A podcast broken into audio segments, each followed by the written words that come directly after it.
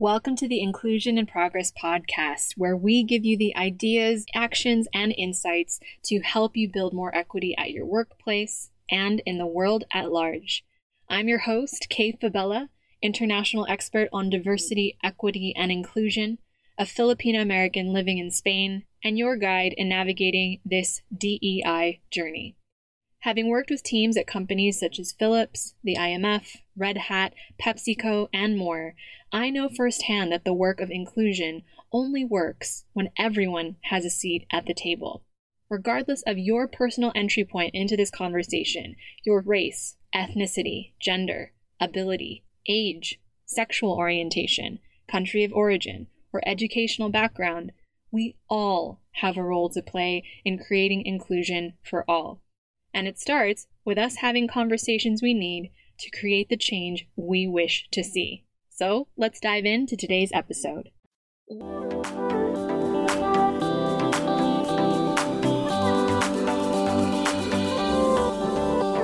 Hey there, and welcome back to Inclusion in Progress. So, let me be real with you for a second, my friend. Even though I am immensely grateful for the boom in DEI work in our business and being able to add members to Team K, which is super exciting in the midst of a global pandemic, no less. I started this month of October tired, anxious, and a little worried about the future. And it's hard not to be when you're an empath who's paying attention, an immigrant from the US who calls Europe home, with friends and colleagues from all around the world dealing with the challenges of this very strange year. The second or third wave of coronavirus is hitting different parts of the world. The back and forth between our regional and state governments here in my adopted country of Spain over how to handle the rising cases, the upcoming presidential election in my birth country, the US, my clients and colleagues in the UK worrying about what Brexit will mean for them, and just the day to day general uncertainty of not knowing what tomorrow will bring seems to be a staple of 2020. Which is why I've been incredibly vigilant with my boundaries this year, with the clients I decide to work with, with the content I allow myself to consume, with the communities I engage in, and with the circle of friends I regularly make an effort to stay in touch with. There's already enough to worry about with my own mental health history and with navigating the challenging emotional nature of diversity, equity, and inclusion or DEI work. So, in case this episode also finds you feeling anxious and nervous, consider this your permission slip from me to you to tune out from the world from time to time so that you can function in it. You don't have to be everything to everyone. You don't need to perform at your best or power through it when you're overwhelmed. You don't have to feel guilty for having good things happen when others around you are suffering. You're allowed to feel whatever you're feeling. In my experience, the only way out of whatever emotional state you're in is by sitting with it and experiencing it fully to get to the lesson on the other side. And for you to do that, you need to figure out how you'll protect your precious space by saying no to some things in order to say yes to replenishing yourself so you can continue to show up for others the way that they need you. And if this message is resonating with you, feel free to reach out to us at info at kayfabella.com and let us know your thoughts. We read each and every email that comes into our inbox, and I promise we'll do our best to get back to you within 72 business hours. It's important to lean on people we can trust to help us solve the complex challenges we're facing this year, and our team is here to be a resource for you at this time. And if your company needs specific resources and training on diversity, equity, and inclusion, please let us know in your email and we will send you next steps to book a free assessment call with us. We are already securing client engagements for 2021 at the time of this recording, so the sooner you book a call in, the sooner we can support you. So, Back in episode 45, I mentioned that there were a few ways we could lead conversations about inclusion in our organizations as individuals. And the first was, well, it was the title of the episode, how to actually talk about privilege with people at work. So if you haven't already, definitely give that one a listen. It is one of our most downloaded episodes on Inclusion in Progress to date, and we've been loving the comments and feedback that you've been sharing with us. But in addition to speaking up and using your voice to advocate for inclusion in your workplace by talking about privilege, it's just as important, if not even more so, to recognize that you always have more to learn to continue being an effective ally or advocate for DEI. Because regardless of your lived experience or your personal entry point into this conversation, you can't engage as effectively without your own ongoing self reflection and humility. Now, last week's guest episode with Elizabeth Wright on disability and ableism within the DEI conversation is actually a perfect example of this journey unfolding for me in real time. As someone who doesn't regularly interact with disabled communities, I walked away from that conversation with new vocabulary and a desire to deepen my knowledge and capacity for allyship as an able bodied woman. And boy, let me tell you, understanding where I've gotten it wrong in the past and what privileges I've taken for granted as someone who is non disabled, it is humbling. and for those of us who are leading and leaning into this inclusion conversation, we have to accept, as I'm continuing to do, that we're often going to be wading through these waters of discomfort. That we will be confronted with our own blind spots and biases regularly because we're human. And we will more often than not be reminded of advantages we didn't realize we had and able to contextualize experiences with exclusion to help others. I think a lot of people enter the DEI conversation looking for that quick fix, that cookie or that ego boost or that gold star of progress to help you keep going. It's easy to call out the lack of diversity in a corporate board and be patted on the back by others who applaud your bravery on LinkedIn or Instagram. It's easy to announce your allyship to others under the guise of vulnerability and seek visibility in exchange for validation that you're quote unquote being a good ally. It's much harder to sit in the unknowing, the unbecoming, and the highly, highly uncomfortable work of feeling like once you've made progress in one area, you uncover a new blind spot and have to begin that process all over again. But rather than discouraging you from feeling like the road ahead is too long for you to keep going, I'm going to dedicate today's episode to helping you understand that incremental inclusion is powerful, that anyone, including you, can lead it, and why reframing inclusion as an ongoing journey is key to really helping your DEI initiative succeed at work.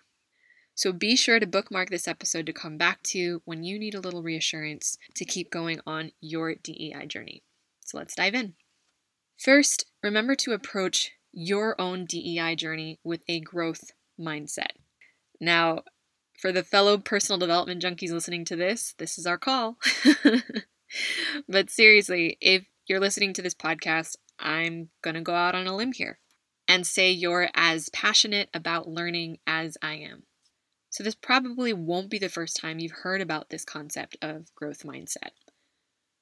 But for those of you who need a refresher, over 30 years ago, Dr. Carol Dweck and her colleagues at Stanford University became interested in students' attitudes about failure. They noticed that some students rebounded, while other students seemed devastated by even the smallest setbacks. After studying the behavior of thousands of children, Dr. Dweck coined the terms fixed mindset and growth mindset to describe the underlying beliefs people have about learning and intelligence. When students adopt a growth mindset, where they believe they can get smarter, they understand that effort makes them stronger. Therefore, they put in the extra time and effort, and that then leads to higher achievement. Since then, we've seen tons of research on brain plasticity, showing how connectivity between the neurons in our brains can actually change with experience. And with practice, our neural networks actually grow new connections. They strengthen existing ones and build insulation that actually speeds transmission of impulses in our brains. And now, bear with me for geeking out here. These neuroscientific discoveries have shown us all that we can increase our neural growth by the actions that we take, such as using good strategies, asking questions, practicing, and following good habits like sleep and nutrition. The same thing applies to your DEI journey. All of us, myself included, need to learn more about equity, diversity, and inclusion, especially those of us who are inclusion leaders. We need to learn about the difference between race and ethnicity, sex and gender identity, the nuances of religious and cultural groups, and more. We need to learn about our own inherited and implicit biases. We need to learn about racism, sexism, ableism, homophobia, and all other forms of discrimination at the personal, institutional, and societal levels. Learning about diversity, equity, and inclusion, and all the ways we may be perpetuating it ourselves is scary AF, especially if we consider ourselves to be fair minded, good people. But that's based on the assumption that being good and having bias are mutually exclusive, that being good is a fixed trait. That admitting that we have innate biases means there's something wrong with us, which can never be changed or corrected. In other words, a fixed mindset. It's the reason why we're more comfortable with concept proven examples of where DEI works, because we want a quote unquote easy answer to speed us through that uncertainty as quickly as possible. It's the reason why we're more comfortable with sounding the alarm on where others are getting it wrong, or leaning into performative actions to show how we're getting it right. There are interesting parallels between ways that people think about learning in general and how they talk about DEI. Now, I want you to see if you can hear the difference between them. Person number one I'm a good person. I'm not a racist. Person number two I can learn more about being an anti racist with effort and persistence. Or try this example. Person number one I can't talk about anything controversial because I don't want to say the wrong thing and be called a racist. Person number two I will try to learn what is needed for me to try to discuss this.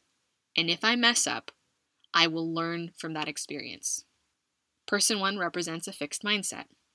They're just as likely to approach new concepts through a binary lens, saying things like, I'll never get this right, I'm just not good at blank, insert topic here. Person two represents a growth mindset.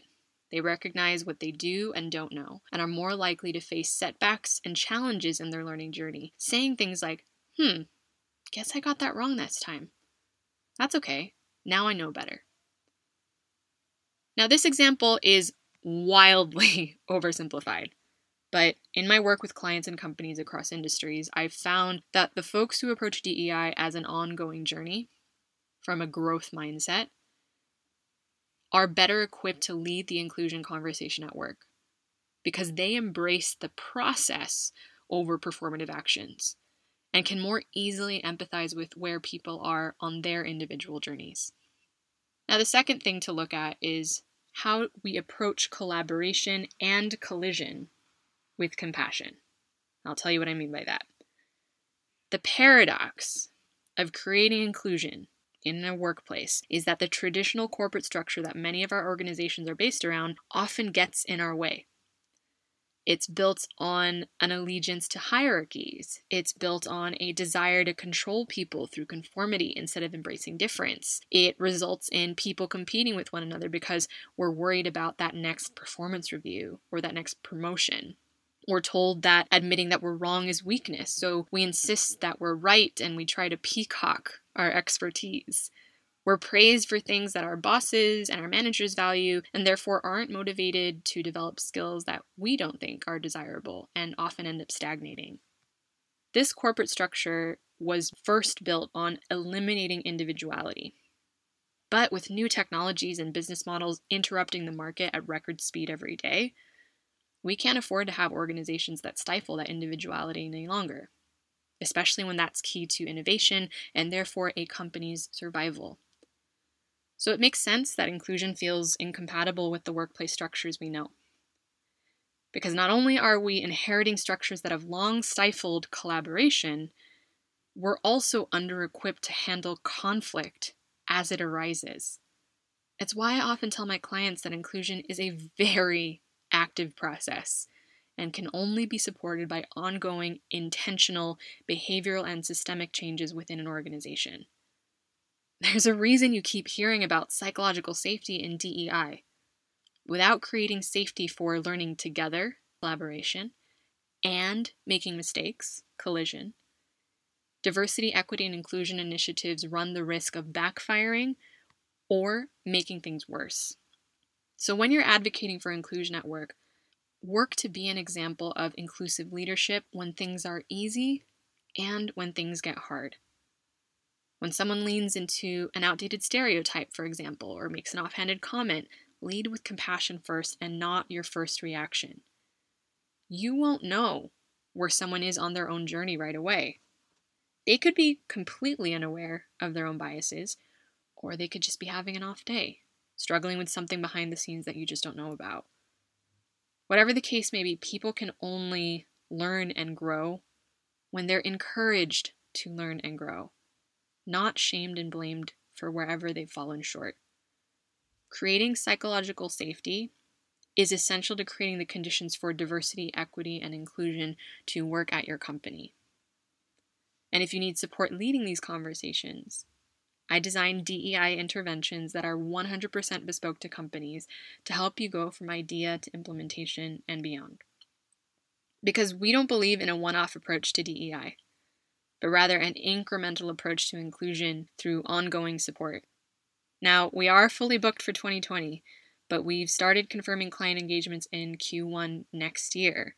So, to learn more about specific ways I can help you, get in touch at the link in the show notes or go to kayfabella, that's K A Y, F is in Frank, A, B as in boy, E L L A dot com.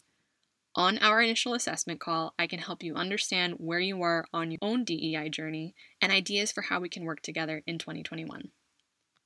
Last but not least, let's look at how you can approach inclusion with the mindset of micro actions over macro demonstrations. Earlier this week, one of my biz besties and fellow practitioners was catching up with me on life and business, and naturally, we got to the topic of what else? DEI, and the common patterns that we are seeing emerge this year. We discussed how encouraged we were to see more allies, particularly of the straight, able bodied white male persuasion, asking how they could leverage their privileges to lead inclusion at work. And I remembered saying, It's so gratifying to see. And I tell them that it's all about raising the floor for others through conscious daily decisions and microactions. To which she responded, Exactly. And sometimes raising the floor doesn't mean raising your voice. It's just kicking a few of the stones in someone's path out of the way to give them a clearer way forward. We're not looking for handouts, we're just looking for access. And I threw all the prayer hand emojis her way. True story. But my friend Ashanti made a really great point. Allyship isn't always loud and visible, it's quiet and consistent. It's the ally who knows that intentional inclusion requires them to regularly interrupt the status quo so that someone who is overlooked or underestimated is given a fair shot. It's the action done from a place of, is this in integrity with who I am and the world I want to leave behind? And then the sum of all those micro actions and micro decisions that add up, paving the road for inclusion. The power structures that define our corporations, our countries, and our cultures will not be reshaped overnight. But it's about volume of action and volume of voices. We can all move the needle forward in the little things that we do every day. The most outspoken amongst us can't run full speed ahead as a small but mighty minority forever, asking for inclusion and a fair shot. For this to truly work, we need larger numbers of people crawling, baby stepping and imperfectly walking forward alongside us to collectively push for progress. So, there you have it three ways to adapt inclusion into your daily life and be a better ally and advocate for others, no matter where you are in your organization or what your lived experience is. The first is approaching your own DEI journey with a growth mindset, not a fixed one. The second is approaching collaboration and collision with compassion. And the third is approaching inclusion by prioritizing micro actions over macro demonstrations. Now, it's my sincere hope that these tips and all of these resources we're sharing on this podcast with you, no matter where you are in your organization or on your own journey, will help you lead these conversations at work and in the world at large. And of course, if you need more support, I design interventions that are going to help your company go from idea to implementation. And I'm already accepting clients for 2021. So, whether that's through a keynote, a bespoke workshop, or a detailed assessment to help you build your own multi year DEI strategy, book a call with us at the link in the show notes to find out what the best solution is for your organization. On our initial call, I can help you understand where you are and where your organization is on your DEI journey and give you specific ideas for how we can work together starting next year. Last but not least, if you are an aspiring inclusion leader or ERG leader, reach out to us directly at info at kayfabella.com. Team K and I are in the process of putting together an initiative to support and connect other inclusion minded leaders this year to help you build a network of leaders that you can lean on and learn from. So we'd love to have you participate and let you know more as soon as we finalize dates and details. So, again, if you are an aspiring ally, ERG, or inclusion leader at work, send us an email to info at kayfabella.com and be sure to write ERG leader in the subject of your email so we know you listened to this episode. Thank you so much for tuning in, for continuing to share this podcast and the conversations we're having here with others. We truly appreciate it. And we will see you back here next week for another episode of Inclusion in Progress.